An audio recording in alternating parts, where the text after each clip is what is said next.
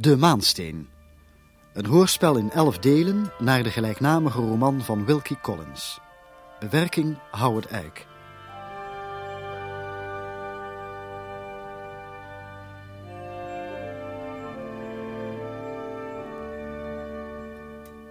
Tweede deel. De schaduw.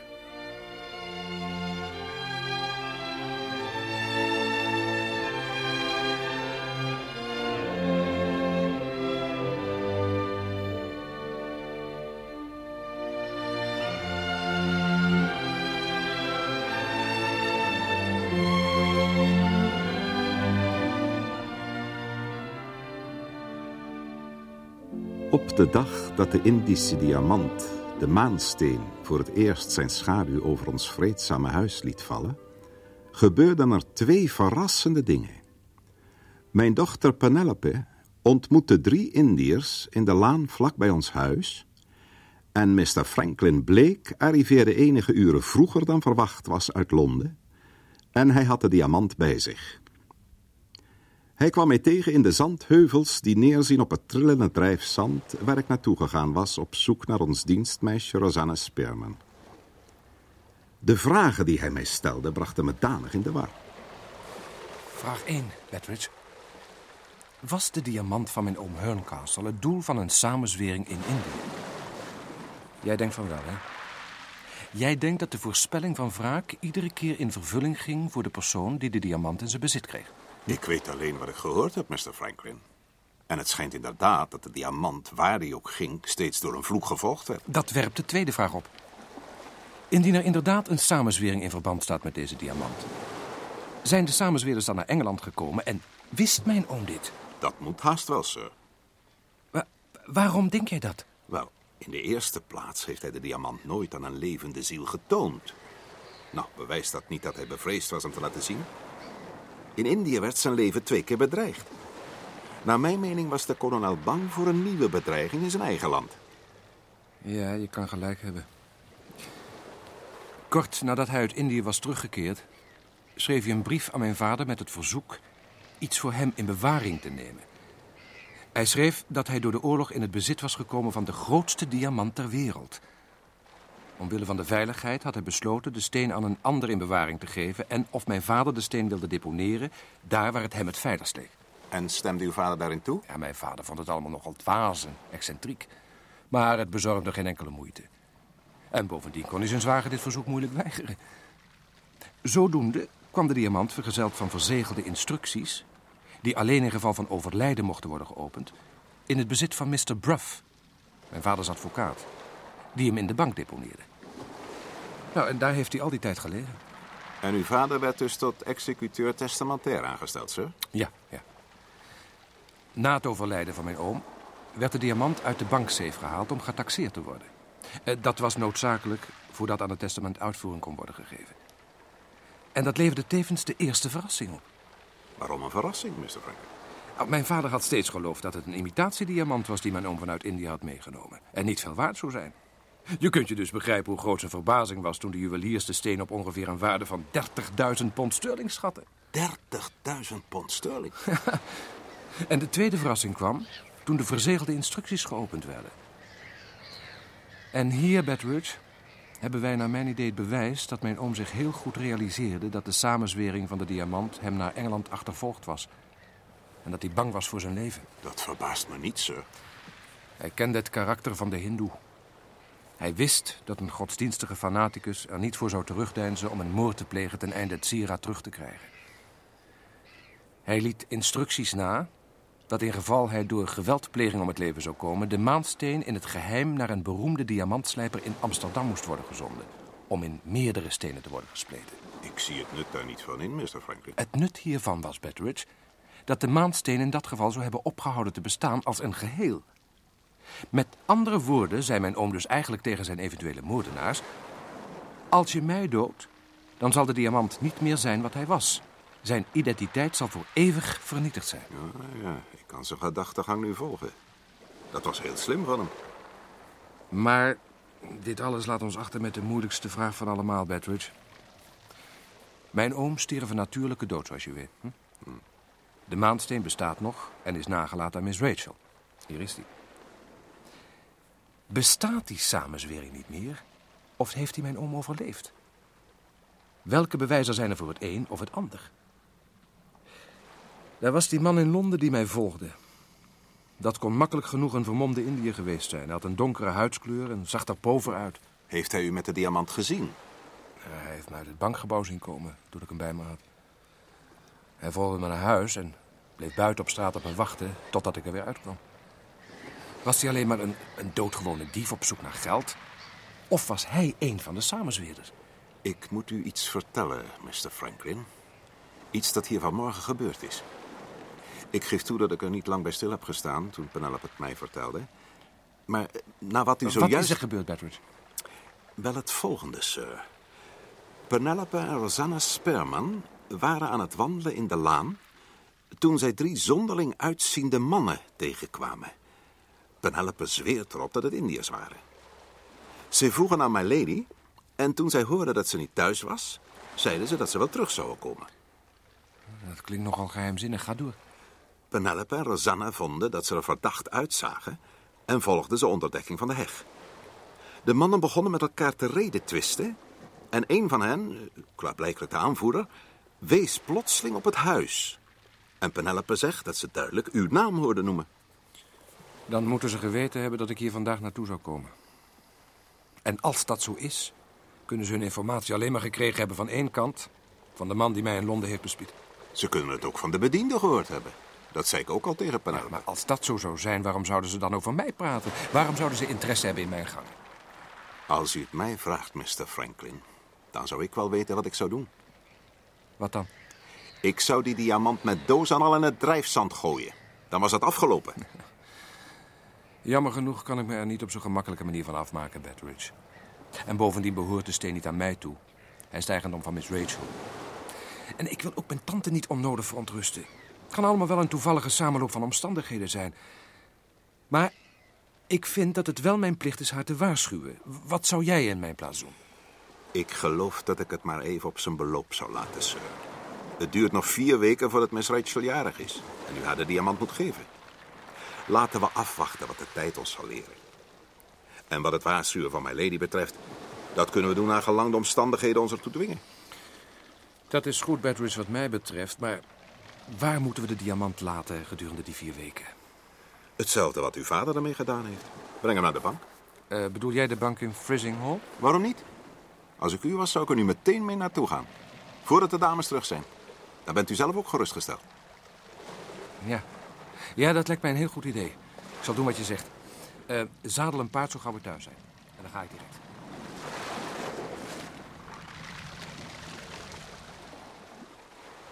We gingen naar huis, zadelden het snelste paard uit de stallen... en Mr. Franklin galoppeerde weg om de vervloekte diamant in de kluis van de bank in Frizinghall op te bergen. Ik draaide me om en wilde naar huis gaan... toen mijn weg plotseling gekruist werd door Penelope... die net zoals haar moeder altijd deed mij de weg op de trap versperde. Vader, waar is Mr. Blake naartoe? hij, is, eh, hij is weggegaan. eh, tochtje te paard maken. Ja, waar naartoe? Sakkerloot, wat stel je me allemaal een vragen? Ik weet het echt niet. Ach, ik ben ervan overtuigd dat u het wel weet. Ik geloof dat u iets voor mij verbergt. U bent erg lang met hem samen geweest bij de kust. Waar hebben jullie het allemaal over gehad? Nou, eh, laat me eens nadenken. Ja, waar hebben we het over gehad? Eh, Mr. Franklin vertelde mij over zijn buitenlandse reizen. En, hij is goed thuis in de politiek, dat kan ik je wel vertellen. Jullie hebben niet al die tijd over politiek gesproken, daar ben ik zeker van. Waar hebben jullie het nog meer over gehad? Eh, nou, over het weer en, en de oogst. eh, en allerlei koetjes en kalfjes. Nou, en daarna zijn we in de zon gaan liggen en hebben we een dutje gedaan. Nou, u heeft Rosanna in een heel vreemde gemoedstoestand naar huis gestuurd, dat kan ik u wel zeggen. Rosanna? Er is sindsdien niets meer met haar te beginnen. Wat mankeert er dan aan? Wat er aan mankeert. Het ene ogenblik is ze vrolijk eh, en het volgende barst in tranen uit. Ze kijkt maar steeds in de spiegel. En stelt 101 vragen over Mr. Blake. Ik weet niet wat er met haar aan de hand is. Denkt u dat ze elkaar vroeger gekend hebben? Nou, dat lijkt mij onmogelijk. Dan moeten ze iets over elkaar gehoord hebben. Ach, onzin, Penelope. Mr. Franklin zag Rosanna op het strand naar hem staren en was aangenaam verrast. Hij vroeg mij wie ze was. Maar haar naam zei hem niets. Nou, als u het mij vraagt, is op het eerste gezicht verliefd op hem geworden. Nou, dat is wel de bespottelijkste veronderstelling die ik ooit gehoord heb. Waarom? Mensen worden wel eens verliefd op het eerste gezicht. Ja, in boeken. Oh, en Emily Fellows dan? Zij werd verliefd op de nieuwe stationschef van Frissinghall en ze had hem nog nooit eerder gezien. Mr. Franklin is geen stationschef. En Rosanne is een dienstmeisje met een alledaags gezicht en een verminkte schouder. Kunt u zoiets wreeds zeggen, vader? Ach, daar heb je toch zelf naar gemaakt met al je vragen. Je weet heel goed dat Rosanne hier in huis geen betere vriend heeft dan ik. En om te geloven dat ze verliefd is geworden op een gentleman die op bezoek komt in het huis van haar meesteres, nou ja, het is bespottelijk, kind. Nou, denk niet meer aan die onzin en, en laat me er door. Maar het is geen onzin. En, en ik kan u wel zeggen dat... Kijk, daar is het rijtuig van mijn lady en Miss Rachel. Ze zijn vroeger dan ik verwacht had. Ga gauw naar binnen en maak alles voor zin orde. Ja, vader.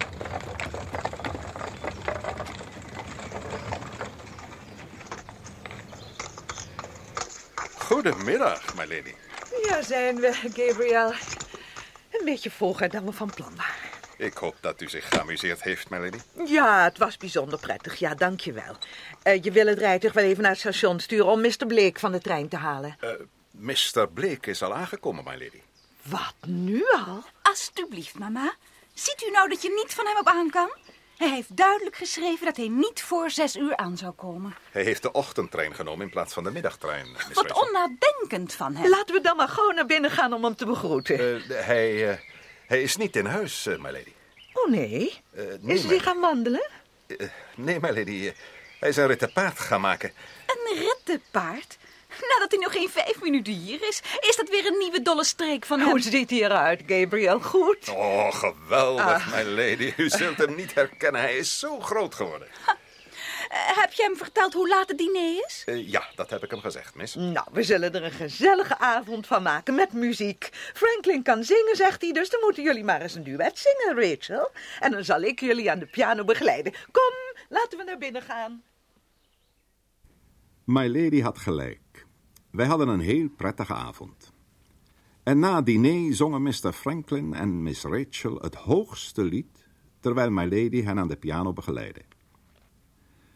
Later op de avond, toen de dames zich voor de nacht teruggetrokken hadden en ik de cognac en het sodawater binnenbracht voor Mr. Franklin, vond ik hem lui uitgestrekt in een stoel liggen roken, terwijl hij eruit zag als een toonbeeld van tevredenheid. Mijn beste oude Bedridge. Wat was dat een heerlijke avond, vind je ook niet? Inderdaad, sir, net als vroeger. Ja, behalve dan dat ik vroeger nog geen cognac dronk. Nee, vast niet, sir. Of zo lang opleef als nu. Er zitten een boel goede kanten aan het oud worden, Bedridge. Oud, Mr. Franklin. U kent de betekenis van dat woord nog niet. U bent nog in de lente van het leven. De herfst is nog ver. Zal ik u een glas cognac inschenken? Graag, Bedridge.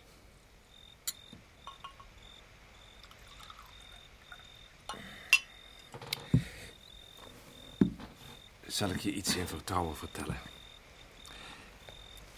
Miss Rachel is het charmantste meisje dat ik na mijn terugkeer in Engeland heb ontmoet. Dat verbaast me niet, sir. Vanavond vooral vond ik haar erg knap. Het is al prettig alleen naar haar te kijken. Haar gracieuze maniertjes, haar donkere haren, ogen. Donkere vrouwen oefenen een sterke aantrekkingskracht op mij uit, Bedridge. Ik heb laatst horen beweren dat donkere vrouwen uit de mode zijn in de grote wereld. Wild Bedridge. Ik ben blij dat u er zo over denkt, Mr. Franklin. Niemand is knapper dan Miss Rachel. Ik geef toe dat haar neus een ietsje groter zou kunnen zijn, maar haar mond, haar kin en dat tuin zijn verrukkelijk. En ik mag haar manier van doen. Er zit spirit in. Ze heeft een sterk karakter. Het is trots en erg onafhankelijk. U slaat de spijker precies op zijn kop, sir. Zo is Miss Rachel inderdaad. Ze heeft haar eigen mening over de dingen. En ze is niet bang dat te laten merken ook. Ze heeft een beter oordeel dan de meeste vrouwen die twee keer zo oud zijn als zij. Ja, daar ben ik van overtuigd. Ze vraagt ook nooit om advies. Ze zal je nooit van tevoren vertellen wat ze gaat doen.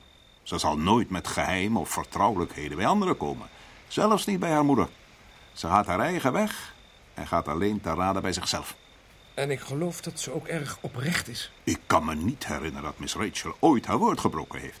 Of nee gezegd terwijl ze ja bedoelde. Er zit geen greintje kwaad aan haar.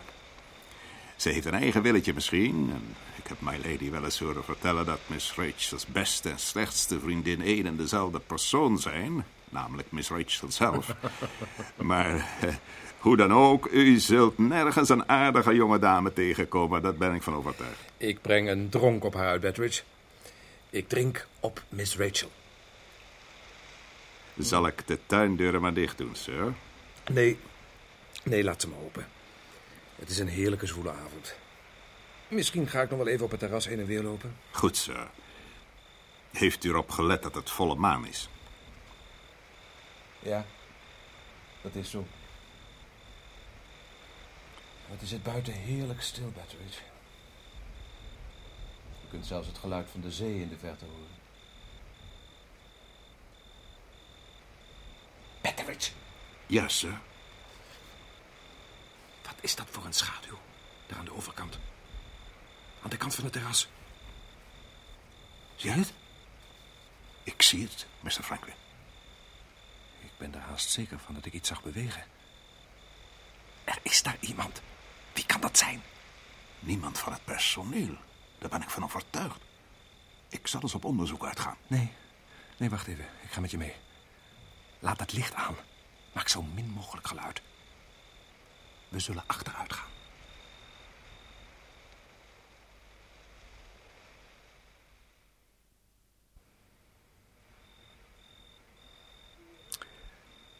Zag u dat daar, Mr. Franklin? Er klom iemand over de heg. Ik hoor de voetstap op het grind. We moeten ze volgen. Dat heeft geen zin, sir. De heg is veel te breed. En ze hebben een voorsprong op ons. Ze zijn al lang op de weg voor wij er overheen zijn. We zouden de honden op ze af kunnen sturen. Tegen de tijd dat ik de hond uit de kennel heb, is het te laat om ze nog te pakken te krijgen. Zeg, Mr. Franklin, heeft u vanmiddag, toen u op de weg was naar Fritchenhall, nog iets van die Indiërs gezien? Nee, nee, niets. Ik heb goed uitgekeken op de heen, zoals op de terugweg, maar ik heb niets verdachts kunnen ontdekken. Als ze achter de diamant aan zitten, denken ze natuurlijk dat die hier in huis is. U kunt erop rekenen dat ze ons dan nog wel eens een bezoek zullen brengen. Misschien krijgen we ze dan te pakken. Goed dat ik je advies heb opgevolgd, Betteridge. Als de diamant hier in huis was, in plaats van in de kluis, zou ik vannacht geen oog dicht doen. Maar ik werd in het ongelijk gesteld. Gedurende de eerstvolgende weken werd er in de buurt van het huis geen Indiër gezien. Ofschoon we wel hoorden dat ze nog steeds in de omgeving waren en iedere dag een voorstelling gaven op het marktplein van Frissinghall. Alsof het huis al niet genoeg ondersteboven stond met de voorbereidingen voor het verjaardagsfeest, gingen Mr. Franklin en Miss Rachel, met een schort over haar jurk heen, zich amuseren met het afschuren van de boudoirdeur met puimsteen. Het wordt zo mooi, hè, Gabriel? Werkelijk, mis. Ik vond het zoals het was ook erg mooi. Je moet niet zo ouderwets zijn. Ga toch met je tijd mee, Gabriel. Moet dat werkelijk? Ja, natuurlijk. Wacht maar tot de deur klaar is. En vertel me dan maar eens of je het geen verbetering vindt. Wat gaat u dan allemaal met die deur doen, Miss Rachel? Helemaal beschilderen met pauwen en cupido's en bloemen. Mr. Franklin gaat de ontwerpen van een beroemde Italiaanse schilder kopiëren. Ehm, ik, ben zijn naam vergeten, maar hij heeft honderden malen de Maagd Maria geschilderd. Oh, je zult de deur niet terugkennen. Daar ben ik van overtuigd. Mr. Franklin heeft speciale verf in Londen besteld. Ja, ja, we zullen wel een hoop rommel maken. Maar dat kan je niet schelen, hè, Gabriel? Nee, Oh, nee. Als de deur maar droog is voordat het feest begint. Mm, Dat hangt ervan af wanneer de verf aankomt en of we op tijd klaar zijn. Eh, pardon, Miss Rachel. Wat is er, Penelope? Eh, Mr. Franklin vraagt of u bij hem in de bibliotheek Oh, wil komen. oh ja. Hij wil uw mening horen over een paar tekeningen. Ja, ja, ik kom. Eh, hier is mijn schort, Penelope. Ja, ja, dank u. Oh ja, en ik heb, ik heb ook nog eh, meer puimsteen nodig, want dit stuk is, is bijna op. Komt in orde, Miss Rachel. Ik, ik kom direct weer terug. Wat een rommel, zeg. Welke dichter heeft er ook weer eens gezegd dat ledigheid des duivels oorkussen is? Er is nog nooit een waarder woord gesproken. Wacht maar af tot ze gaan schilderen. Dan ruik je het door het hele huis heen. Ach ja, de adel moet iets doen om de tijd te doden. Als ze geen watersalamanders of kevertjes vangen, dan prikken ze spelden door vlinders. Of ze bederven wel iets anders. Maar kijk toch eens hoe gelukkig ze ermee zijn. Ik heb Miss Rachel nog nooit in een betere stemming gezien. Ja, en dat door het ruïneren van een deur. Nee, het is niet door de deur alleen. Mr. Franklin is er ook nog, vergeet dat niet. Gelooft u dat er van het jaar een trouwpartij hier in huis zal zijn? Ik geloof dat jij alleen nog maar kan denken aan mensen die verliefd worden. En over huwelijken. Ja, waar moet ik anders over denken? Over een manier hoe je je gedachten kan verbeteren. Ach, kom nou. Maar ik geef toe dat het niet onwaarschijnlijk is dat Miss Rachel dit jaar misschien gaat trouwen. In de bediendenkamer zeggen ze tenminste allemaal. Oh ja? Maar het is niet waarschijnlijk dat Mr. Franklin de bruidegom zal zijn. Wie dan wel?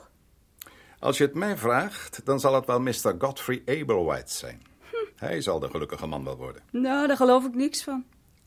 Ik geloof niet dat hij nog een kans maakt sinds Mr. Franklin hier is. Je moet niet van die verwarde dingen zeggen. Ja, waarom verward? Je vergeet dat Mr. Godfrey in de eerste plaats, wat zijn lengte betreft, de meerdere is. Hij is zes voet, heeft een gezonde kleur en prachtig blond haar. Er mankeert anders niks aan het haar van Mr. Franklin. Dat heb ik ook niet beweerd. In de tweede plaats is Mr. Godfrey advocaat en een buitengewoon knap spreker. Vrouwelijke liefdadigheidsverenigingen kunnen het niet zonder hem stellen. Als er waar ook in Londen een damescomité vergadert, zit Mr. Godfrey aan het hoofd van de tafel. En wat doet hij dan? Wat hij doet? Hij leidt de lieve schepsels langs het doornige zakenpad. Ik geloof niet dat dit land ooit een filantroop van groter formaat heeft opgeleverd. Of een vervelender man. Je zou hem niet vervelend vinden als je hem ooit een vergadering had horen toespreken. Een man die de tranen en het geld zo gemakkelijk tevoorschijn tovert, vind je nergens. De laatste keer dat ik in Londen was, heeft my lady me twee vrijkaartjes gegeven. Ja, je bent toen naar een theater geweest. Om een danseres te zien die erg populair was. Juist. En ik ben ook naar de Exeter Hall geweest om Mr. Godfrey te horen. Hij had alleen een zakdoek en een glas water nodig om het gebouw bijna af te laten breken. Toen kon je pas goed merken hoe de mensen over hem denken. Nou, het maakt op mij geen indruk hoor.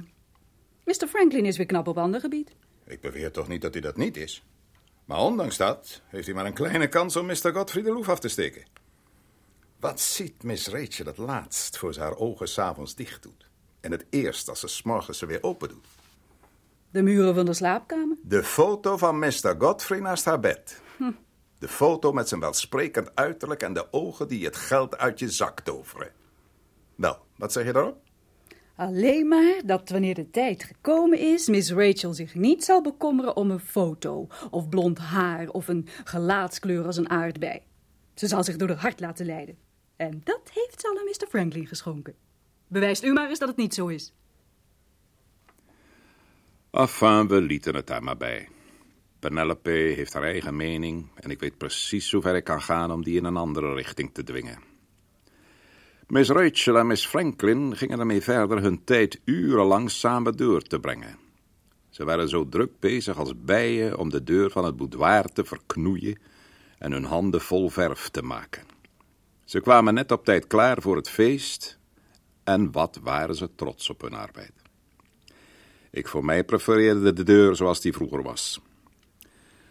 De bedienden vieren de verjaardag van Miss Rachel ieder jaar op dezelfde manier door kleine geschenken aan te bieden. En dan volgt altijd mijn speech. Ik volg dezelfde lijn als de koningin wanneer ze het parlement opent. Ik zeg namelijk ieder jaar hetzelfde. Bij die gelegenheid verwacht iedereen altijd dat ik iets nieuws zal zeggen en is dan teleurgesteld als dat niet zo is. In de ochtend reed Mr. Franklin naar de bank in Frissing Hall en keerde terug in gezelschap van Mr. Godfrey Ablewhite en de twee zusters Ablewhite, blonde, levenslustige jonge dames die de avond bij ons zouden doorbrengen. Goedemiddag, Betteridge. Goedemiddag. Goedemiddag, Miss Mary. Goedemiddag, Miss Blanche. Eh, prettig je weer eens te ontmoeten, Betteridge. Je houdt je goed. Vind je ook niet, Emilie? Oh ja, buitengewoon. Oh, erg vriendelijk van u, Mr. Godfrey. Ik hoop dat u een prettige reis vanaf Londen hebt gehad. Eh, ja, ja, heel prettig. Dankjewel, Wetteridge. My lady en Miss Rachel wachten in het salon. Wilt u me volgen? Oh, dat lieve kind. Wat een dag voor haar. Wat een dag voor ons allemaal. Er is niets wat ik prettiger vind dan partijtjes. Oh, en vooral een verjaardagspartij. Oh, zeg, je hebt de geschenken toch niet in het rijtuig laten liggen, Godfrey? Eh, nee, nee, nee. Ik heb ze hier. Oh, gelukkig. Ik hoop maar dat ze ze mooi Oh, vindt. dat zal zeker. Oh, wat is die toch heerlijk gezellig. Die tuin is zo heerlijk. Heeft u de diamant, Mr. Franklin? Ja, ik heb hem in mijn zak. Heeft iemand u bespied? Nee, ik geloof van niet. Gelukkig. Oh, tante Julia. Oh, wat heerlijk hier weer eens te zijn. Hoe maakt u het? Oh, heel goed, dankjewel, Blanche. Wat prettig jou en Amelie weer eens te zien. Oh, Rachel, schat, heel, heel hartelijk gefeliciteerd. Dit is van ons beiden. Dankjewel. Oh, wat zie je eruit als een plaatje. Vind je ook niet, Godfrey? Eh, ja, ja, heel charmant. En mag ik er ook mijn felicitaties aan toevoegen, Rachel? Dankjewel, Godfrey. En zou je dan dit kleine geschenk willen accepteren als een bewijs van mijn bewondering?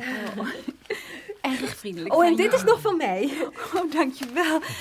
Mag ik de pakjes nu openmaken? Ja. Oh, ja, natuurlijk. Dat moet je gauw doen. Ik ben zelf ook zo nieuwsgierig. Ik heb ze zelf ingevangen. Oh, een sjaal. Oh, ik hoop zo dat hij naar je zin is. Ik weet dat je voorliefde hebt voor geel. Oh, maar het is precies de kleur die ik zelf ook zou hebben gekozen, Blanche. Oh, dat doet me plezier. Dit is een mooie kleur. Oh, kijk eens, en een waaier. Ja.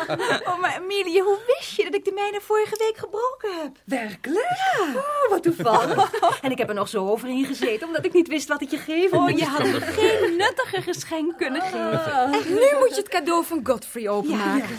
Het is werkelijk een verfijnd geschenk. Maar dat mag ik eigenlijk niet zeggen. Nee, nee. Een cassette van porselein. Ja. Wat snoezig. Oh, enig, Godfrey. Ik, ik zal er erg zuinig op zijn. Prettig dat je het aardig vindt, Rachel. Hè? Ik heb ook een geschenk voor je, Rachel. Nog één, Franklin. Maar je gaf mij er alleen aan de ontbijttafel. Ik draag hem. Heb je het niet opgemerkt? Jazeker. Dat medaillon bedoel je? Oh, wat prachtig. Hij steekt goed af bij je jurk. Eh, Maar eh, dit geschenk is niet van mij. Mijn oom John Herncastle heeft het je nagelaten. In gevolge zijn wens in het testament moest ik je dit op je verjaardag aanbieden. Wat vreemd. Ik heb je oom nog nooit ontmoet. Waarom zou hij mij iets nalaten? Ach, wat. Je moet een gegeven paard niet in de bek kijken. Maak het nou toch Oh ja, toen nou. Denk je dat het zal zijn?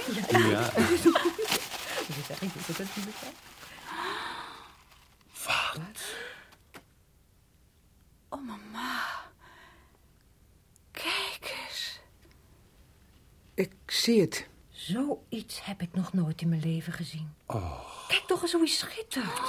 Wat een prachtige diamant. Wat schitterend. Tenminste, Bleek, waar heeft uw oom die vandaan?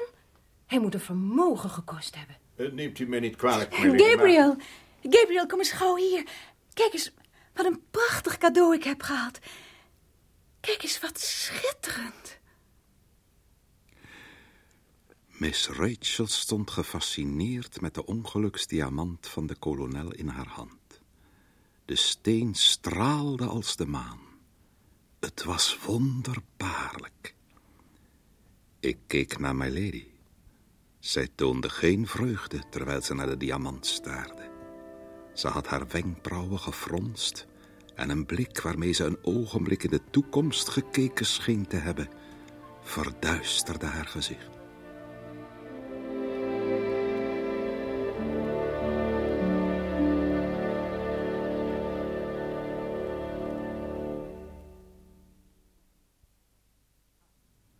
De Schaduw was het tweede deel van De Maansteen. Een hoorspelserie in elf delen naar het gelijknamige boek van Wilkie Collins, bewerkt door Howard Eyck. De rolverdeling was als volgt. Gabriel Betteredge, Johan Schmitz. Penelope, zijn dochter, Els Buitendijk. Lady Verinder, Willy Brill. Rachel Verinder, Barbara Hofman. Franklin Blake, Hans Karsenbarg. Amelia Ablewhite, Ine Veen. Blanche Ablewhite, Janine Veren. En Godfrey Ablewhite, Hans Vierman. Technische verzorging, Leon Dubois en Cor de Groot. De regie had Dick van Putten.